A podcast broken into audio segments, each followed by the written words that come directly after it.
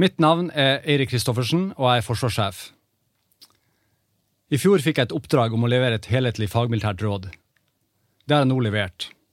Dette rådet vil sammen med Forsvarskommisjonen sitt arbeid, anbefalingen i Totalberedskapskommisjonen, Sikkerhetsfaglig råd og andre råd inngå i arbeidet med en ny langtidsplan for Forsvaret.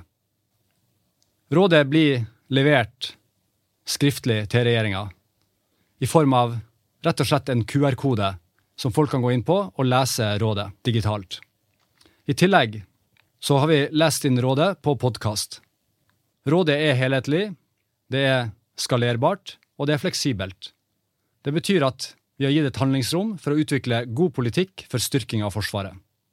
Samla sett så gir jeg et råd som jeg mener kommer til å styrke vår felles sikkerhet, styrke tryggheten i Norge, og vi skal gjøre det sammen med allierte.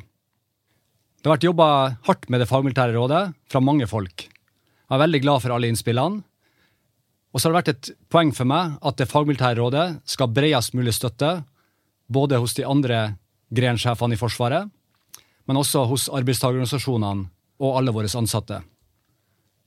Det er viktig å satse på Forsvaret nå, og det er viktig å satse raskt. Situasjonen har endra seg betydelig siden det forrige fagmilitære rådet.